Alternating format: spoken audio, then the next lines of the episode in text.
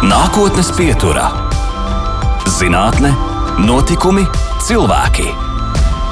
Raidījums īstenots ar Eiropas Reģionālās attīstības fonda atbalstu. Labdien, nākotnes pieturā studijā Baiba. Un, lai arī Latvijā šodien oficiāli beigusies turpat trīs mēnešus ilgusī ārkārtas situācija, veselības jomas eksperti iesaka joprojām pārāk nesapriecāties, joprojām būt piesardzīgiem un gādāt par savu un arī apkārtējo drošību un veselību, piebilstot, ka viens no riska faktoriem ir masveida dziedāšana. Vai tiešām dziedāšana ir bīstama un kuru lielvalstī Latvijai tuvākā laikā ir jāaizmirst par mūsu lepnumu dziesmu svētkiem?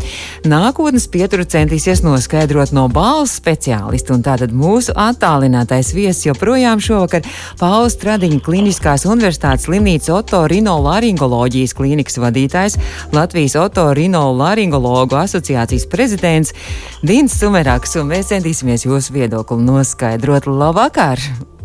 Labvakar, Baiba. Man tikai jāpiebilst, ka tagad prezidents otorinolaringoloģijas asociācija Jānis Sokolovs. À, es, es tikai klīnikas vadītājs. Ja ir amata maiņa jau notikusi jā, arī. Jā, amat, divas termiņas jau bija. Jā. Tad jūs esat eksprezidents, tā mēs varam teikt. Jā, jūs esat balss speciālists un uh, vadošais, viens no vadošajiem Latvijā. Tad kā tas ir ar to dziedāšanu koriem, uh, šobrīd ansambļiem? Vai tiešām ir tik bīstam un koriem, kur sapriecājies, ka tagad nu drīkst viņi ar divu metru distanci pulcēties mēģinājumos un, un dziedāt, vai tomēr viņiem ir jāpiesargās? Nu, redziet, viss, viss notiek laikā un telpā, un tā situācija mainās. Un, ja es kādreiz televīzijā, teiksim, visus aicināju palikt mājās, kas bija arī veiksmīgi, jo Latvija ir viena no veiksmīgākām, kas pārdzīvoja šo krīzi, tad tagad varbūt tomēr uzmanīgi mēs varētu atsākt gan kultūras darbību, jo, jo dēļ kāda vīrusa atteikties no dziesmu svētkiem vai no Latvijas kultūras nebūtu, nebūtu tik tik, tik ļoti pieņemami. Jo uh, es varbūt uh, zināmā mērā nepiekritīšu tam, ka visi dziedātāji, ja viņi dzieta, viņi vairāk inficē viens otru.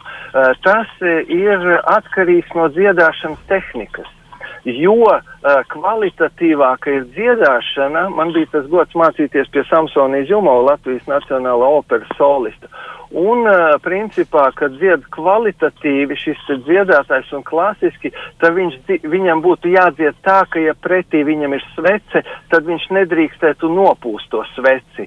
Tehniski, citiem vārdiem sakot, dziedā, dziedāšana ir ļoti ekonomiska, gaiss iet ļoti mazārā un skaņa tiek uh, izmantota maksimāli. Visi rezonātori, galvas rezonātori, krūšu rezonātori, uh, visi obertoņi, virstoņi tiek pielikti ķerti klāt ar pēc iespējas mazāk gaisa ekonomējot.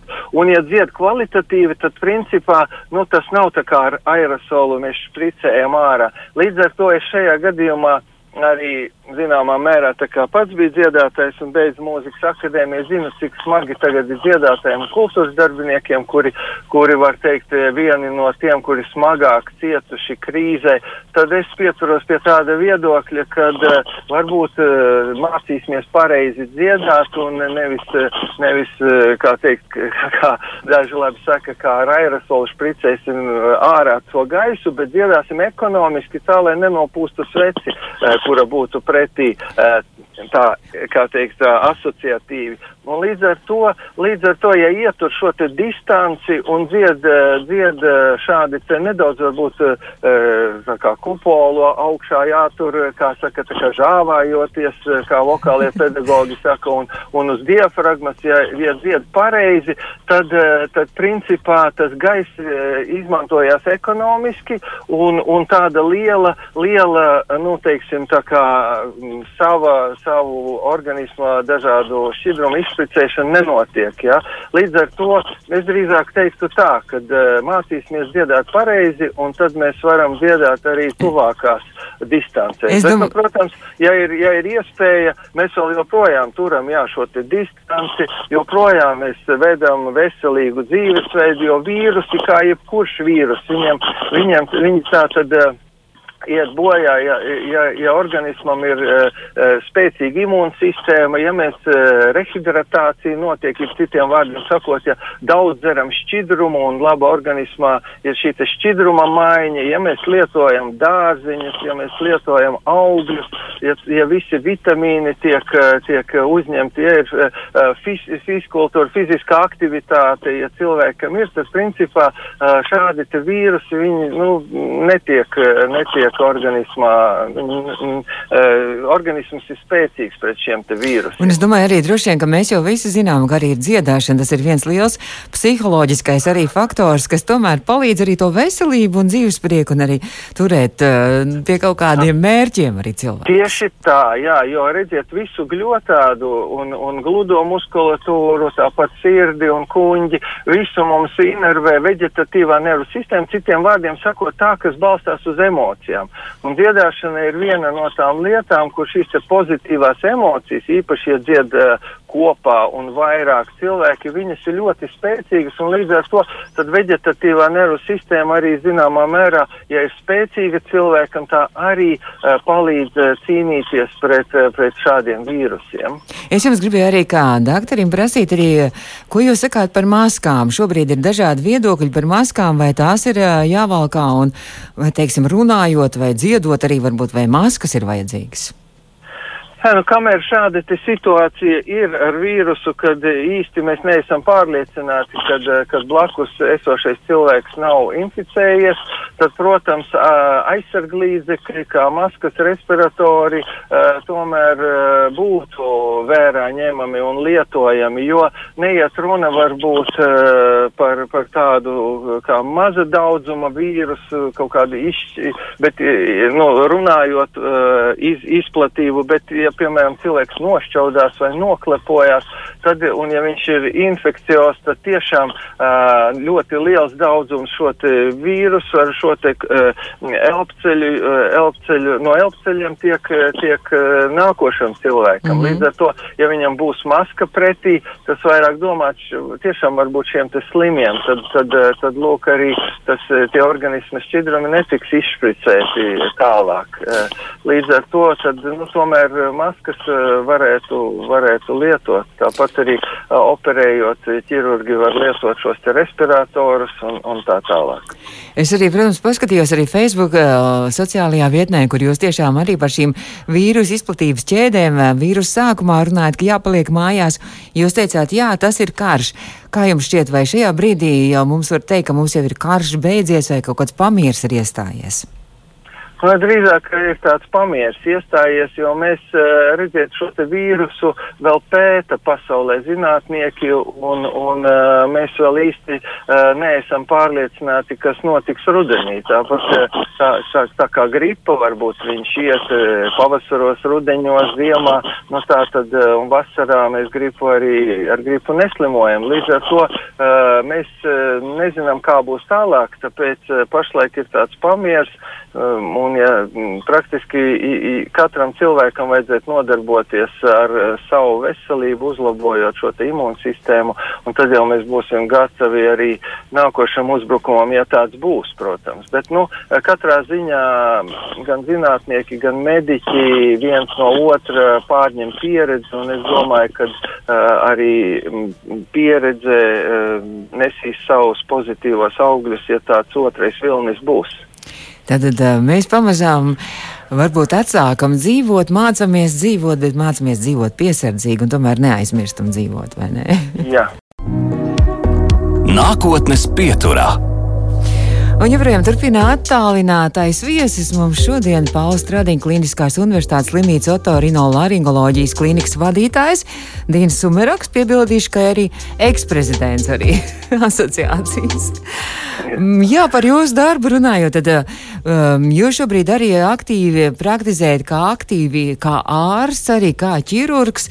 Starp citu, arī uh, Stradiņos laikam CO2 lāzera pirmo operāciju mikrolaringālo operāciju esat veicis? Savulaik? Jā, Stradiņas slimnīcā, jā, mēs veicām šo te lāzeru operāciju. Pirms tam arī bērnu slimnīcā bija ar lāzeru operēts, bet, nu, iegādājoties jaunu aparatūru un tagad Stradiņas slimnīcā jaunajā A korpusā praktiski LOR klīnika ir nokomplektēta ar vislabāko aparatūru, var teikt, kādu tik vien var iedomāties, pat vācu kolēģi un citu valstu kolēģi, nu, uzslavē mūs par to, jo mums ir gan lāzers, gan mikroskopi, gan endoskopi, praktiski uh, ķirurgs var operēt arī degunā, deguna blakus domos iekšā un skatīties tikai uz ekrānu, nu, nevis tā kā agrāk senos laikos skatīties degunā un tajā uh, tumšajā, kā teikt, redzes laukā mēģināt operēt. Tagad viss ir gaiši, viss ir precīzi un līdz ar to, uh, jā, tā tad aparatūra mums ļoti palīdz. Un uh, vairs, uh, vairs ar skalpeli negriežat, bet tagad ar lāzeru to izdarat, jā?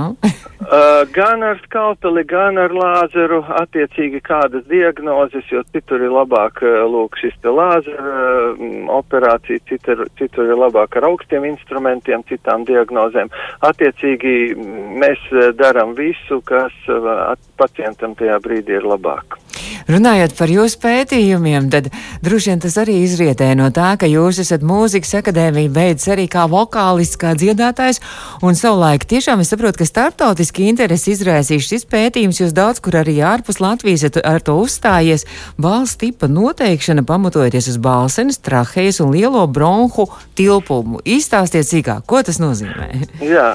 Šeit man jāsaka paldies visiem 60 Latvijas dziedātājiem, gan operas dziedātājiem, gan radiokora dziedātājiem, kuri atnāca un, un, un palīdzēja šo darbu veikt. Uh, bija doma, kādēļ augstas balsis, piemēram, tenors dzied augstāk par basu, kādēļ soprāns dzied augstāk par mecosoprānu, un uh, līdz, līdzīgi kā orķestrī, lūk, šī te trompete ir mazāka par tūbu vai violi ir mazāka par, par altu, tāpat arī cilvēku organizāciju organismā, jo lielāki šie tilpumi, eh, jo arī balss ir zemāka. Un tā mēs izmērījām eh, lūk balsenes eh, un trahēju šo te elpceļu, kas ir zem balss saitēm, 60 Latvijas dziedātājiem un secinājām, ka atšķirības ir diezgan lielas. Piemēram, tenoram ir balsens tilpums ir kādi 2 kubikcentimetri, baritonam bija kaut kur ap 5 un basam bija kaut kur ap 10-11 kubikcentimetri centimetri. Nu, līdzīgi tā kā,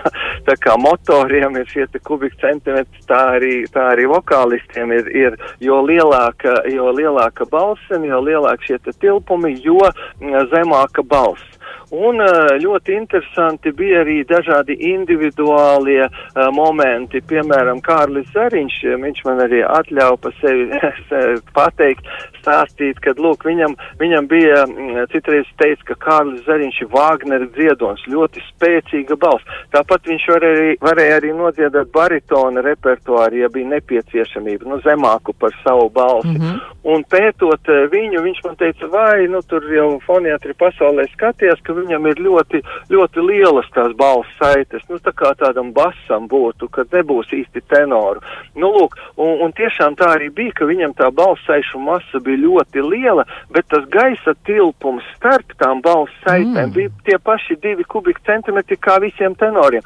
Līdz ar to sanāk tā, ka tiešām ar šo te lielo, um, eh, var teikt, balsaišu masu un šo te mazo tilpumu viņš panāca ļoti tādu spēcīgu, spēcīgu dziedājumu. Un tāpat laikā, lūk, šī te trahē, kas bija tas elpceļš zembalsaitam, viņam bija ļoti arī ietilpīgs, un tāpēc viņš arī varēja nolaisties tik zemu uh, līdz, līdz baritona repertuāram, ja vajadzēja. Tā kā ļoti interesanti mums šie te dziedātāji, nu, pētot arī sevi un, un, un savu pedagogu Samsoni Zilmo, es arī pa sevi varu pastāstīt, ka man man savukārt bija ļoti mazs eh, šis tilpums, eh, kas ir krūtīs, trahēs tilpums. Un līdz ar to arī tad, kad nācās dziedāt tur papagēno burju flautā un, un bija konsultācijas pie dziedātājiem slaveniem, tad lūk arī viņi man lika roku uzlikt uz krūtīm un sajust šo te, šo te krūšu rezonanci, kura, kura anatomiski man tā tad, nu, pietrūka, ja tā mm -hmm. no medicīniskā viedokļa skatās. Tā kā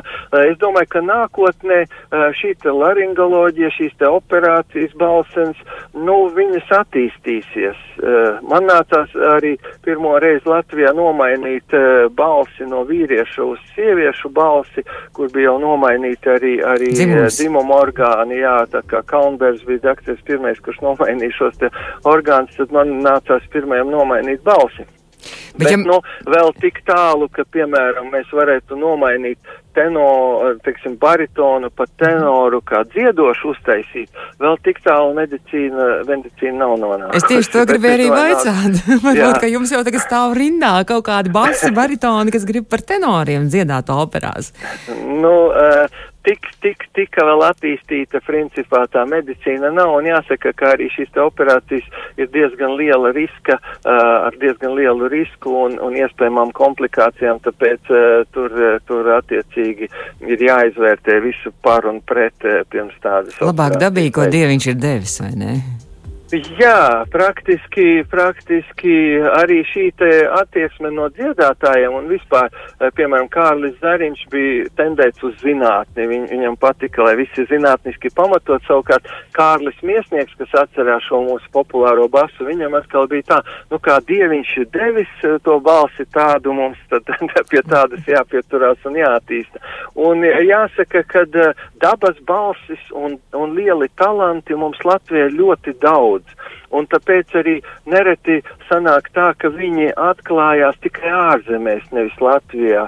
Bet eh, tādēļ, tādēļ tiešām mums būtu jāattīsta arī šo te mūzikas menedžeru, mūzikas menedžeru kaut kāda mm, eh, eh, šī te mūzikas menedžeri, lai pēc iespējas viņi tiešām sameklē jau šos te dziedātājus, šos te mūzikas un rāda jaungados, rāda dažādās pārraidēs, jo tiešām šo te talantu Latvijā ļoti daudz. Jūs runājat par mūzikas menedžeriem, es gribu jūs raksturot kā tādu mūziķu dziedātāju glābēju, jo, jo nevienu reizi vien droši vien operā savulaik jūs arī esat kā foniātris strādājis un arī daudzos festivālos, ja kādam kaut kas notiek ar balsi jaunajā Vilnē Eirovīzijā, tad, tad uh, pirmo glābiņu arī pie jums tad arī meklē, vai ne? Nu jā, mums balss, balss dakteriem ir tā prioritāte, ka mēs varam izglābt šo te dziedātāju, samazinot e, visbiežāk tūsku uz balss saitēm, jo jebkura pārdziedāšanās vai, vai iekaisums vai vīrus e, infekcija, viņa rada tūsku uz balss saitēm, un mēs savukārt instilējot, jeb uzpilinot šo te medikamentu, kas samazina tūsku, varam padarīt atkal balss saites normāls, un dziedātājs var nodziedāt to, ko vajag vajag. Ja? Nu, jautājums ir par to, kādas zāles tieši lietot, jo nereti dažas zāles ir, tā kā sportā ir dopings, tā vokālā mākslā ir nu, šīs te hormonālās zāles, kuras var uzpilināt, bet e, uz balss saitēm paliks labāk, bet, bet jāzina e, tā, lai, lai tās devas nepārsniegtu normas un, un, un attiecīgi arī gada robežās, lai pēc tam dziedātājiem nav, nav nekādas uh, sliktas blakus parādības. Ja? Bet citreiz ir tā, jā, ka ir liels stadions un dziedātais ir viens, um, aizvietotāji nav, viņš mm -hmm. ir mhm. slims, cilvēki ir samaksājuši naudu un viņš parunāt nevar. Un tad, uh, kur nu vēl padziedāt? Un tad, nu, sauc foniatrus, mūs kā balss dakteris, mēs braucam uh, un glābjam šo te situāciju un citreiz, nu, man, man vislielākais bija tāds gandarījums, kad um, jaunā viļņa konkursā viena dziedātāja nevarēja, nevarēja tā īsti, īsti pat uh, padziedāt un, un, un tad, kad mēs sakārtojam viņas balsēs, viņi pat dabūja vienu lielu naudas balvu, kā teikt, man bija tāds gandarījums, jā. Nākotnes pieturā. Skan redzējums nākotnes pietura, un mūsu attālinātais viesis šodien ir Pauls Stradīna Kliniskās universitātes slimnīcas otorinolaringoloģijas klīnikas vadītājs Dīnas Sumerāks. Un Vai tā ir taisnība? Es atradu, bet es neatradu par ko. Jūs esat saņēmis arī Pāla Stradiņa gada balvu nominācijā Gada atklājums. Tas bija par to jūsu pētījumu? Nē, tas bija par to, ka es tiku iecelts pa klīnikas vadītāju un veiksmīgi, kā teikt, novadīju pirmos klīnikas gadus, un tagad jau var teikt, jau būs drīz septītais gads, kad jau vada šo nu, klīniku. Es papētīju arī šīs gada balvas, mazliet arī ceremonijas, un daudzās jūs pats arī uzstājaties, arī kā mūziķis. Jā, jau, jau medicīnas akadēmijā man patika veidot koncertus slimniekiem. Es veidoju koncertus gan Gaļazeru slimnīcā, gan arī dzen, bērnu slimnīcā un arī Stradiņas slimnīcā vairākus koncertus, kur tātad dziedāja mūsu operu dziedātāji, tāpat bija arī nu, pūtēju orķestris pat vienreiz un cirka mākslinieki. Un es atceros vienu no tādiem um, pierādījumiem varbūt, ka tiešām mūzika ārstē un kad uh, mūziķi mums ir jāciena arī kā, kā tie, kas dod mums pozitīvo lādiņu, ka pēc viena koncerta viens pacients pat atstāja savus uh, kruķus uz krēsla un māsiņā skrēja pakaļ un, un, un tā aizgāja bez kruķiem. Jā, nu tā tad uh, emocijas mums ļoti palīdz arī izturēt šo te laiku un es domāju, kad, kad mums mākslinieki atkal jāceļ godā un atkal jāatsāk šī te koncerta darbība. Un, un ja, nu nevar, ja nu nevar tā tieši saitē, tad varbūt arī attālināti var filmēt ar video un, un rādīt. Un, Tādēļ arī man, man viena no hobija arī aizraušanās ir video, video veidošana. Jā, ļoti un, iespaidīgs video klips. Es vienu noskatījos Auļu un Alti, jā, kopā tas. Jā, jā, jā, tas, tas bija arī. Uh, līdz ar to nu, tā, tā mēdīju platforma, mēs jau sēžam arī mājās, skatāmies datorā, un mākslinieki var jau nākt pie mums ciemos arī caur datoru. Neviens jau to neaizliet. Vienīgi tas ir arī tāds tehniskais nodrošinājums, arī kaut kādas zināšanas par to, kā labāk skaņu uh, ierakstīt, kā labāk nofilmēt, un, un principā nekas jau tomēr neaizstās to dzīvo, dzīvo izpildījumu, bet nu, īpaši šajā varbūt tādā uh, vīrusa laikos, tad, tad lūk šī mēdīju um, loma pieaug tieši arī mākslinieku. Bet, vai, bet jūs joprojām pats arī vēl dziedat, uh, jūs nesat aizmirsis arī dziedāšanu, jā? Jā, es joprojām dziedu diezgan aktīvi. Jā. Tagad gan vīrusu laikā, tāpat kā visi mākslinieki, ir pauze. Tādēļ es ļoti labi, labi sajūtu šo situāciju mākslinieku, eh, kur, kuri tiešām ir ļoti jāatbalsta šajā laikā. Uh, lūk, un pēdējā laikā mēs ļoti veiksmīgi arī uzstājāmies ar uh, pianisti Dženiferu Rumpāni kopā kā duets un vairākos koncertos jau esam piedalījušies. Viņa spēlē jūs solo dziedat, jā? Jā, viņa mm. gan arī ļoti labi dzied, mm. bet nu, mēs tad uh, gan abi dziedam, gan abi spēlējam. Nu, un uh, pēdējā laikā arī VF kultūras pilī ir katru svētdienu pēdējo ir tādi deju vakari, kur arī var, var Tagad gan ir pauze jā, vasarā, jā, bet no septembra atkal atsāksies. Sezona. Nu, ja atļaus, ja atļaus tās ballītes tur rīkot. nu, es domāju, ka jā, es tomēr ceru, ka tas vīrus, mēs diezgan daudz esam pūļu kā mediķi pielikuši, un tāpat arī uh, tauta un ļa, ļaudis visi ir atbalstījuši, arī ieturējuši un klausījuši šai te distancē, un viss. Tagad uh, mums nevajadzētu pieļaut, kad vīrusi mūs atsvešina viena no mm -hmm. otra. Uh, un, un līdz ar to uh, ir kaut kāds zelta vidusceļš, uh, ir, ir kaut kādas vērtības, kas ir uh, tāda sirsnība, kas ir uh, emocionālās vērtības, kas ir emocionālais lādiņš. Uh, tas arī viss vajadzīgs cilvēkam, ne tikai šī te eksektā, eksektās lietas. Tagad tuvojas arī Jāņu laiks, un Jāņu laikā, ko tad, kas mums ir vajadzīgs? Mums vajadzīgs siers, un mums vajadzīga viena kārtīga galus muciņa. Ja? Un tad es gribu piebilst arī klausītājiem, ka jūs esat arī mucinieks, un piektajā paudzē jau jums ir mucinieku dinastija, un nu, izrādās jūs arī ir. mucas taisat. Ja? Jā, nu tas ir kā hobijs. Mans vectēv, vectēvs pirmo mucu uztaisīja 1869. gadā. Un lūk, šodien es arī braukšu tagad uz savu darbnīcu oh. un vakarā turpināšu, kā teikt, oh. taisīt to mutu. Tāpēc pēdējo skandaru, kad mēs klausīsimies, es arī biju izvēlējies šo te kalē polku, ko mēs vēlāk dzirdēsim, jo, jo tas nereti atspoguļo arī mucinieka amatu, kad lūk, lai vienu stīpu uh, uztaisītu pa konusu, tur uh, nereti ir 250 reizes jāuzsit šim te muciniekam ar lielu āmuru pa šo te stīpu, un līdz ar to visa māja skan, un, un, un, un, un mucas tiek taisīts. Jāsaka, ka pašlaik es vienkārši nevaru visiem gribētājiem uztaisīt, bet, nu, katrā ziņā tas ir Latvijas tradīcijas, ka katram Jāņu tēvam ir jābūt savai alus mucei, ar ko patienāt Jāņa bērnu. Bet jūs tikai ar to sišanu un tā uzmanīgi par tām stīpām un galvenais savus rokas jums ir jāsaudzē.